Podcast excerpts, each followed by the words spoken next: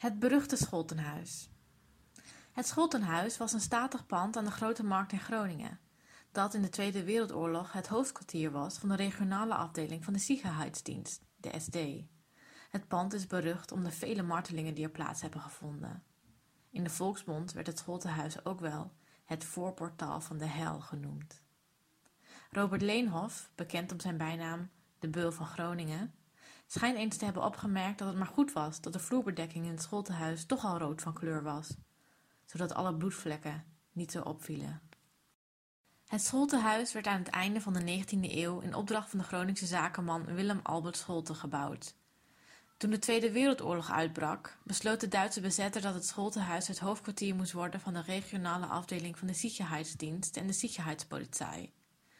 Niet alleen was het schooltehuis centraal gelegen, het straalde ook een grandeur uit waar de nazi's van hielden.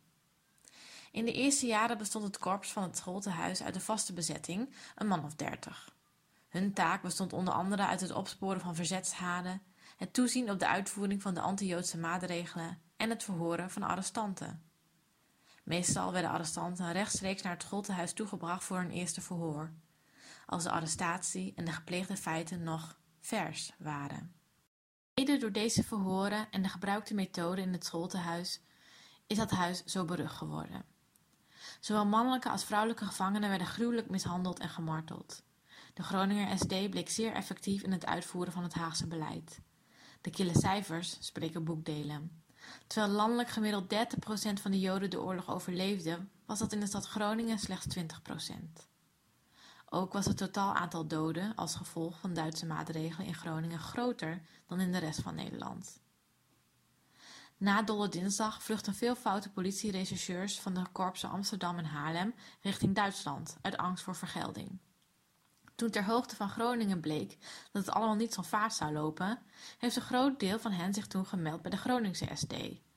En omdat deze mannen onbekend waren in het verzet in het noorden, konden zij zich anoniem onder de mensen begeven en spioneerwerk verrichten. Dit heeft ertoe geleid dat in de winter van 44-45 veel verzetsgroepen compleet werden opgerold.